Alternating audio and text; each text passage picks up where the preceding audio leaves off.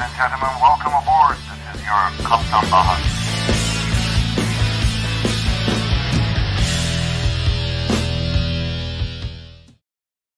Herkese merhabalar arkadaşlar. Ben Kaptan Baha. Yepyeni bir Kaptan Baha videosunda Kuveyt'ten çok özel bir konukla beraberiz. Elif Güveyler kaptanımla. İlk röportajı Kaptan Baha yapıyor. Kaptanlığını aldıktan sonra kendime de biraz pay çıkarayım değil mi? Valla öyle oldu evet.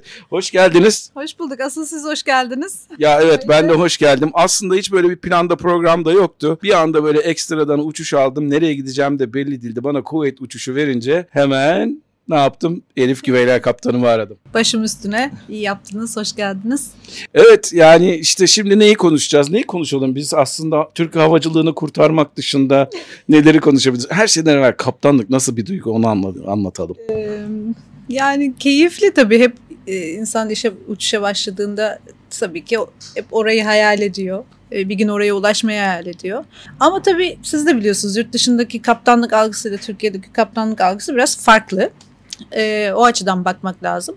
Açabilir miyiz onu biraz? Yani şöyle Türkiye'de ast üst gibi görülüyor. İkinci kaptan ve birinci kaptan. ikinci kaptan birinci kaptanın yardımcısı gibi ya da daha astı gibi görülürken yurt dışında öyle değil biliyorsunuz. PM ve PF uçan komünikasyonu yapan, monitör eden olarak değişiyor. Dolayısıyla burada biraz daha aslında işler farklı. Türkiye'de niye kaptan olmak istiyoruz? İşte daha az eziyet çekelim. daha hani oyun kurucu biz olalım diye ama burada daha çok takım işi. Dolayısıyla buralarda biraz daha farklı bence algı ama çok keyifli. E, sonuçta yine de oyun kurucu siz oluyorsunuz. E, ortamı belirleyen siz oluyorsunuz ama sorumluluk artıyor. E, uçağı uçurmaktan, iniş kalkıştan ziyade başka şeyleri düşünür halde oluyorsunuz. İşte şu imzayı unutmayayım, şunu nasıl planlayayım, bu yakıtı düşüneyim. İşte e, kaptan inince özel meydanlar olur gibi şeyler. Farklı sorumluluklar var ama bence güzel. Yenilik her zaman bir dinamizm veriyor insana. Şey gibi oldu bir an reset etmiş gibi oldum meslekte. Tekrar o heyecanı, korona dönemindeki o buhran e, vardı biliyorsunuz çok uçmadık, uçamadık. İşte işten atılan pilotlar oldu. E, çok çok keyifli dönemler değildi pilotluk için aslında. Birçok arkadaşımızın işi kaybettiğini gördük. Tedirgin olduk hepimiz. İşlerimizi kaybedecek miyiz diye. Şimdi tekrar o buhrandan sonra bu güzel bir doping oldu benim için de. Bir de çok çok kolaylıkla verileceğini düşünmüyordum buralarda. E, sırası gelen alıyordu diye biliyorum Değil mi? kaptanlığı. Bir de parayı veren, parayı basan. Bir de parayı veren parayla sırayla diye biliyordum öyle değil mi? Keşke öyle olsa kaptanım valla. Keşke basıyoruz uçuyoruz kadar olsa. Ha, basıyoruz uçuyoruz bir de. Basıyorsun uçuyor. Keşke öyle kolay olsa ama işin içinde olanlar biliyor, ediyor. Yani Türkiye'de farklı. Türkiye'deki her şirkette bile kurum kültürü farklı. var. Yani kaptanlığı hemen öyle vermiyorlar. O kadar insanı hemen. Pilot olmak bile kolay mı yani? ikinci kaptan olmak bile kolay mıydı? Hemen verdiler mi? Hayır. Yani 40 yıllık kaptan bile olsanız şirket değiştirdiğinizde tekrar o şirket usullerinden, sınavlarından, aşamalarından geçmek zorundasınız. Dolayısıyla hiçbir şey öyle çok kolay değil. Ama biz takdir etmeyi çok bilmediğimiz için e, basite almayı daha çok tercih ediyoruz. Varsın öyle olsun. Hatice'ye değil neticeye bakmak lazım. Valla netice bence çok güzel. Oldu mu oldu çok şükür. Ama tabii şu var ben her zaman için e, genç arkadaşlara söylüyorum. Yani bu yollardan geçmek isteyenlerin en çok yapması gereken iki tane şeye dikkat çekiyorum ben. Bunlardan bir tanesi en önemlisi İngilizce bence. Bir de çalışmayı sevmeniz lazım. Ders çalışmayı sevmeniz lazım. Sürekli biz ders çalışıyoruz. Yani bir yere geldik de bitti diye olay bitmiyor yani. Kaptan olurken de sorumluluklar artıyor. Her Düşünmeniz gereken şeyler gerekiyor, farklılaşıyor. Bir arkadaşım şey demişti bana, havacılık bir orkestra gibidir. Kaptan da orkestra şefidir, o olmadan olmaz demişti. Yani bilmiyorum bu konuda ne düşünüyorsunuz? Bir de şöyle bir şey, e, onu elde etmek başka bir şey, onu korumak da önemli. Bir de o var. Yani kaptan olmaktan ziyade onu koruyabilmek ve insanların saygısını kazanmak bence önemli. Çünkü bir şeyler hayatta size verilebiliyor. Hmm. Yani işte torpil konusu hep konuşuyoruz. Ee, ya da bir şekilde selamla, sabahla, devrecilikle verilebiliyor. Ama e, çalışma arkadaşlarınız size güveniyorsa, kaptan olarak uçtuğunuzda, sizinle çalışmaktan keyif alıyorsa, size gözü kapalı emanet ediyorsa kendini yolcudan önce bence bu asıl başarı. Bunu yapmak için de güç yani knowledge is power. Bilgi en büyük güç. Evet. Dolayısıyla da sürekli çalışmazsanız, sürekli kendinizi yenilemezseniz, okumazsanız maalesef olmuyor. Yani her uçuş bile başka bir deneyim. Aynı meydana yaptığımız, başka bir gün yaptığımız uçuş bile farklı. Yani o günkü notam farklı, o günkü hava durumu farklı. Dolayısıyla her gün bir update etme durumu var. Çalışmayı sevmiyorsa zaten kimse bu işe yanaşmasın. İngilizce konusu da yani B1 C1 var bende, C2 var olur mulara hiç girmeyin. Yani bu işte çok iyi İngilizceniz olması lazım. Hem iletişim açısından hem de aynı zamanda sizin gibi uluslararası bir şirkette uçan birisi için dünyanın dört bir tarafından insanlarla beraber uçuyorsunuz ve ortak diliniz hani tamam havacılığın dili İngilizce de ortak diliniz de aranızda konuşmanız, iletişimi sağlamanız gereken dil İngilizce. Tabii ben e, iki şey için çok önemsiyorum İngilizce konusunu. Bir tanesi e, ekip her şeyimiz, manuellerimiz İngilizce, ekiple iletişim İngilizce. E, birincisi Türkiye'li kısıtlamamak için önemli İngilizce. Çünkü pilot olarak bütün dünya sizin. Her yerde çalışabilirsiniz. Dolayısıyla İngilizceniz varsa her yerde çalışırsınız. İkincisi de bence bu emniyetle çok alakalı bir şey. Hmm, tabii. Yani direkt safety related. Eğer İngilizceniz yoksa çok emniyetli değilsiniz bence pilot olarak. Çünkü bir arıza durumunda, acil durumda direkt e, default olarak kendi dilinize dönüyorsunuz.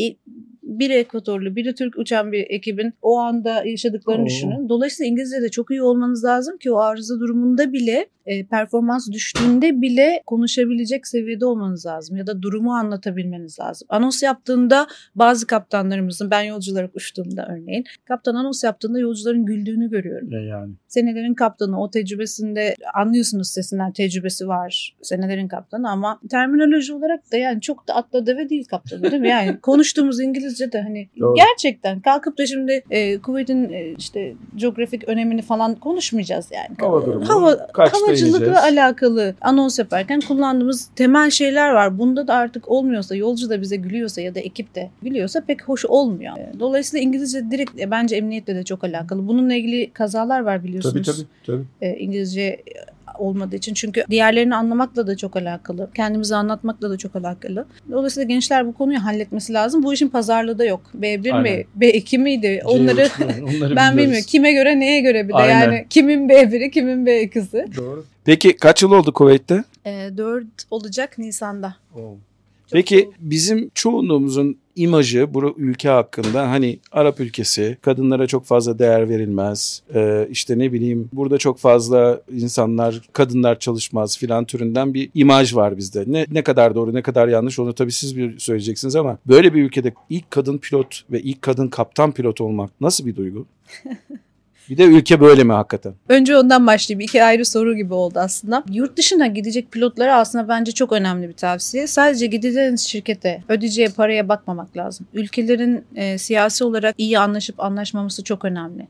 Çünkü bu ülkede yaşıyorsunuz da. Hı. Dolayısıyla sizin pasaportunuzu gördüğünüzde bir ön yargısı varsa o ülkelerin işiniz o kadar çok kolay olmuyor. Evet. Dolayısıyla ülke ilişkilerine ben karar verirken buna çok dikkat ettim. Kuvvetli Türkiye'nin ilişkileri iyi. Ülkeme yakın. Herhangi bir gerginlik yok ve kadına bakış açısında da ben İzmirliyim. Dolayısıyla benim yaşam şartlarıma, yaşam standartlarıma da uygun olması lazım. Ben kalkıp da burada kendimi değiştirmek zorunda olmamalıyım. Çünkü o zaman kendim olamayacağım. Mutlu da olamayacağım. E, Kuveyt'i o yüzden seçtim. Çünkü bizim kafamızda Afrika tek bir ülke gibi algılarız ya. Arap Arap ülkeleri için de aynı şey Hı hı. geçerli. Yani ben Kuveyt'te çalışıyorum dediğimde Doha'da mı? Katar'da mı diyorlar mesela. Hayır ikisi farklı ülkeler. Dolayısıyla her Arap ülkesi de kendi içinde farklı. Bir Suudi Arabistan'da kadınların araba kullanması yasakken Kuveyt hiç öyle değil. Çok Evet. daha çok daha kadına saygı gösterilen sıra varsa eğer kadın varsa sıraya e, gelen ona öncelik verilen ülkelerden bir tanesi. Kadınlar başörtülü olanlar çok modern, çok bakımlı. Ben e, açıkçası 4 senede burada hiç kadın olarak bir sıkıntı yaşamadım. Hatta kaptanlıktan sonra ya da pilot ikinci kaptan olarak da uçtuğumda tepkilere baktığım zaman insanlar çok gurur duyuyor mesela. Ben bunu beklemiyordum açıkçası. Çok güzel.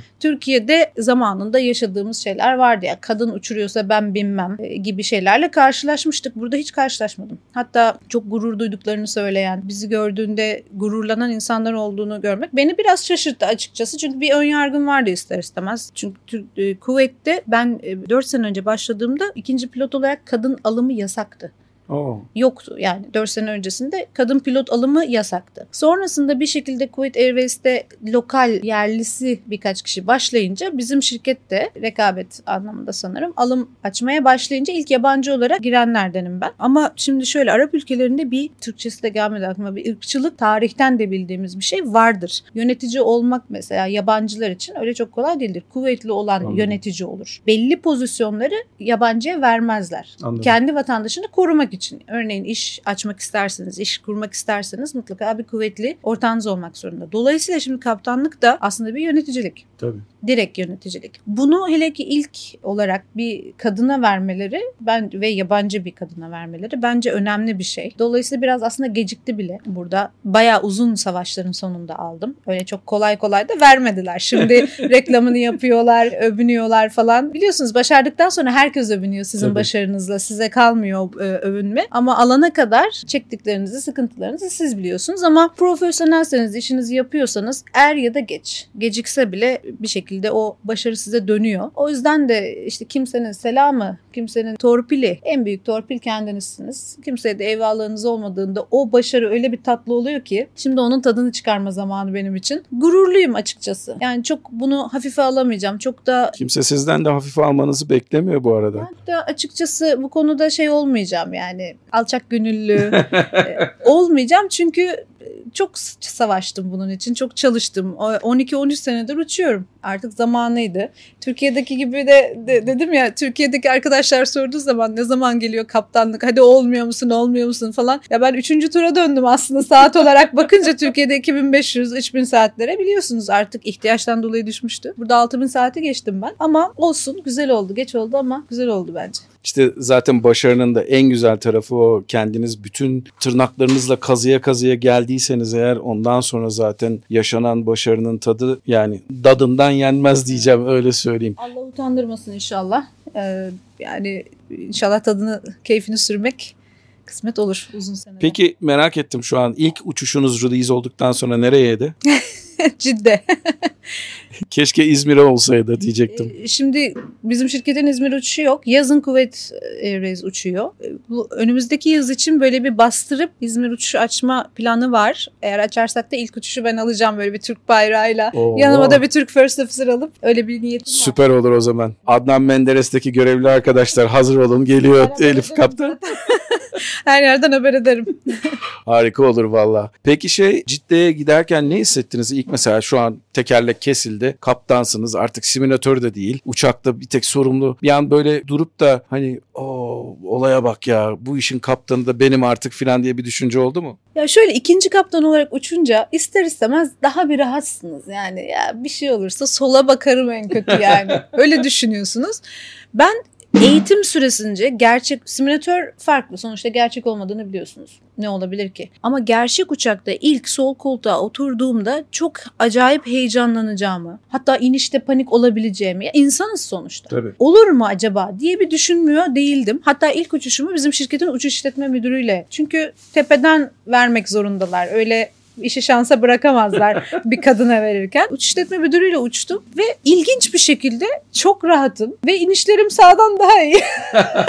Belki de bu motivasyonun ya da o dedim ya resetledim daha böyle bir tekrar işime olan aşkım sevgim geri gelmiş gibi o heyecanım geri gelmiş gibi oldu. Bu biraz yöneticilik işi o şeyi güveni de vermek istiyorum yanındakilere. Çünkü ister istemez gözler sinüsünüzde oluyor. En ufak bir heyecan gösterecek mi korkacak mı acaba nasıl olacak falan diye. Onu vermemek için de belki de ama gerçekten e, beklediğimden daha demek ki hazırlamışım kendimi. Çünkü ben e, kaptanlığa böyle birkaç haftada hazırlanılacağını düşünmüyorum.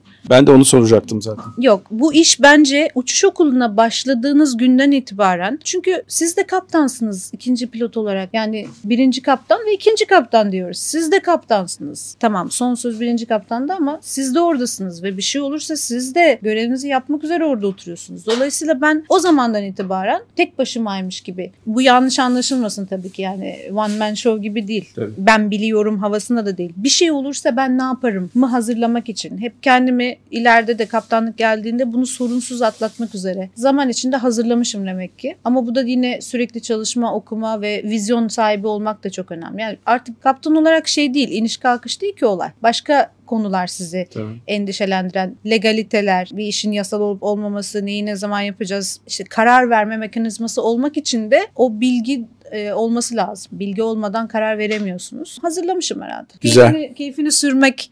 Şu an böyle tamamen koşa koşa uçuşlara gidiyorum. İnsanlar mutlu oluyor, hoşuma gidiyor. İnişten sonra başarılı bir operasyon yaptıysak, zorlu bir operasyonsa bir daha bir ekstra güven geliyor. Yanımdaki birçok ikinci kaptanın ilk defa, ilk defa bir kaptanla uçuyorlar. O da onlara diyorum artık beni unutmanız mümkün değil. Sizin ilk olarak e, hafızanızda yer aldım. O da bir keyifli. Aslında hayat benim için hep bir anı biriktirme. Hmm. Çünkü hayat kısa. Kışlar uçuyor. Biz de ne zaman başımıza ne gelecek bilmiyoruz. O yüzden biriktirebildiğim kadar güzel anı biriktirmek. Güzel bir dönemdeyim o yüzden. Harika.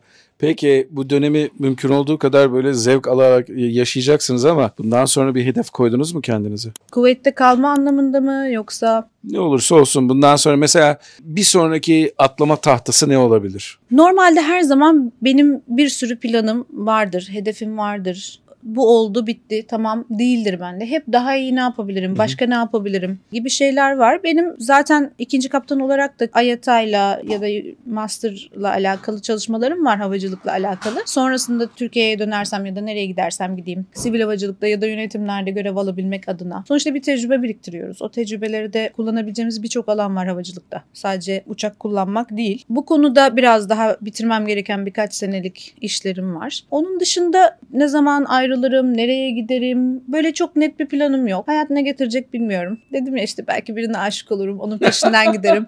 Türkiye'ye dönmek isterim. Bundan sonra hani çok şükür artık kaptanlık da oldu. Bundan sonra belki bir, bir daha bir aile kurma, çoluk çocuk düşünme bu işler olabilir. E çok böyle bir net bir şey yok kafamda açıkçası. Hayat ne getirecek onun heyecanı var. Hayat ne getirecek bakalım ona göre şekillendiririz. E, demek ki o zaman yaşadığınız günlerin tadını çıkarmak bazen de hakikaten plan yapmadan da yaşamak bence en güzel güzeli. Çünkü havacılık çok oynak bir meslek. Çok değişken bir meslek. Yarın öbür gün ne olacağı belli değil. 2019'da insanların 2020'de Covid olacağını bilmiyorlardı mesela. Böyle şeyler de insanların başına geliyor. Peki son söz olarak ben her zaman için genç arkadaşlara bir örnek insan olarak gösteriyorum sizi. Söylemek istediğiniz ne? Benim son zamanlarda herkeste gördüğüm, her kesimden, herkeste e, ülkede gördüğüm ümitsizlik Maalesef ülkenin şartları da çok yardımcı olmuyor insanlara. Ama hiçbir zaman ümidinizi kaybetmeyin. Kendinize inanın. Sadece kendinize inanın ve güvenin. İnanın bu yetiyor. Ben her zaman hep onu söylüyorum. Yani çok çok böyle büyük imkanlarla büyümüş bir çocuk olmayan biri olarak söylüyorum. Ben yaptıysam herkes her türlü yapar. Yani biz yaptığımız için Einstein falan değiliz. Bir farkımız yok. Fark nerede? Yılmamakta. Fark hemen en ufak bir olumsuzlukta, başarısızlıkta küsmemekte, yeterince savaşırsa, yeterince insanlar uğraşırsa ve kendini yetiştirmeye çabalarsa. Yani benim için ben hiçbir zaman bitti tamam kaptan oldum ben bitti olay. Değil yok. Değil. Hayır ben şimdi daha da çalışmam lazım. Şu açıdan biraz eksiğim var onu da tamamlamam lazım diye hep kendimi geliştirmeye çabalıyorum. Siz kendiniz dolu olduğunuz zaman her yere uyuyorsunuz. Her yerde de bir fırsat buluyorsunuz. Kendi fırsatınızda kendiniz yakalıyorsunuz. O yüzden bence kendine inanmak, güvenmek, kendinizi de Türkiye ile sınırlamamak çok önemli. O çok önemli çok işte. Önemli. Hiç Türkiye ile Türkiye kötü olduğundan ya da yaşanmaz olduğundan da değil. Yaptığımız iş havacılık özellikle global bir iş. Evet. Özellikle lisanslar, Türk lisansı da bütün dünyada geçerli. Ben buraya başvururken de Türk lisansıyla başvurdum. Birçok ülke kabul ediyor. Artık EASA ülkeleri bile Türk pilotuyla pilot almaya başlar oldu. Sadece o da değil. Yani yer görevlisi alan Almanya mesela yer görevlisi Tabii. alıyordu. Dolayısıyla bence İngilizcenizi geliştirin ve e, dünyanın tadını çıkarın. Sadece Türkiye'den ibaret değil. Kendinize güvenin. Ben de katılıyorum Elif kaptanıma. Bu arada onu da söylemekte yarar var. Son bir, bir buçuk senede de Amerika'ya da Türk pilotu bayağı gelmeye başladı. Örneğin Türk lisanslarını Amerikan lisansına çevirmek de o kadar zor bir şey değil. Belki ileride bu konuda ayrı bir video yaparım. Onları konuşuruz. Ama hakikaten de Elif kaptanın dediği gibi global bir meslek yapıyorsanız o mesleğin gerekliliklerini yerine getirmek için çok ama çok çok çalışmanız lazım. Çünkü bir de rekabet ortamı artık bütün dünya oluyor. Sadece Türkiye'deki insanlarla da rekabet etmemiş oluyorsunuz. Ama bizim ülkemizde de ülkenin şartlarından dolayı sanırım gereksiz yükler de var üzerimizde. Evet. Dünyaya açılıp dünyada çalıştığınızda o gereksiz yükler olmuyor mesela. Sadece işinizi yapıyorsunuz. Egolarla, insanlarla da her zaman çok uğraşmak zorunda da kalmıyorsunuz. O yüzden sadece tecrübe edinmek için bile olsa bence birkaç sene bir yurt dışına çıkıp ben buraya gelirken benim niyetim oydu. Ben kaptan olmak istiyorum ve ben farklı operasyonlar, farklı şirket kültürü, farklı bir coğrafya görerek, farklı uçmadığım yerlere uçarak bu kaptanlığı almak olmak istiyorum ki daha rahat edeyim pozisyonda diye düşünerek geldim ve şimdi çok çok iyi yaptığımı düşünüyorum. Çünkü alıştığınız o konfor alanından, konfor alanı çürütür diye bir laf var. Ben ona çok Hı hı. inanıyorum. Konfor alanından çıkmazsanız genişleyemiyorsunuz, büyüyemiyorsunuz da. O yüzden mutlaka yurt dışı tecrübesi edinin. Videoyu da ben de bekliyorum. Belki ben de değiştiririm Amerikan lisansına. Oralara geliriz belki. O konu- oraya gitmedim. Her yerden çıkıyorum ya ben Twitter'dan, Instagram'a. Bir oraya el atmadım. Oraya da bir el atarım belki. Bekleriz vallahi. Ben de çok memnun olurum eğer öyle bir şey fırsatımız olursa. Hele hele beraber uçabilirsek o zaman çok daha güzel olur. Arkadaşlar bugün harika bir insanda Elif Güveyler kaptanla beraberdik. Bir Türk kadın pilotu ve kuvvetli ilk olarak kaptan pilotluk olan bir kadın pilotla görüştük. Zaten kendisini tanıyorsunuz. Benim de çok fazla tanıtmama gerek yok ama bence harika bir söyleşi oldu. sağ olun. Ayağınıza sağlık. Teşekkür İyi ederim. geldiniz. Vallahi çok da güzel muhabbet de ettik. Biz neler neler yaptık bu arada neler neleri kurtardık o ayrı konu. Bence ayrı bir video daha yapıp Tamam. sohbet şeklinde insanlar da bizle oturmuş gibi hissetsinler. Başka bir video daha yapalım. Hatta şey yaparız ona da sorular alırız önceden onları da yanıtlarız daha da güzel olur. Şimdilik bizden bu kadar. Başka bir Kaptan Baha videosunda tekrar görüşmek üzere. Mutlu kalın ama her şeyden önemlisi sağlıklı kalın. Hoşça kalın.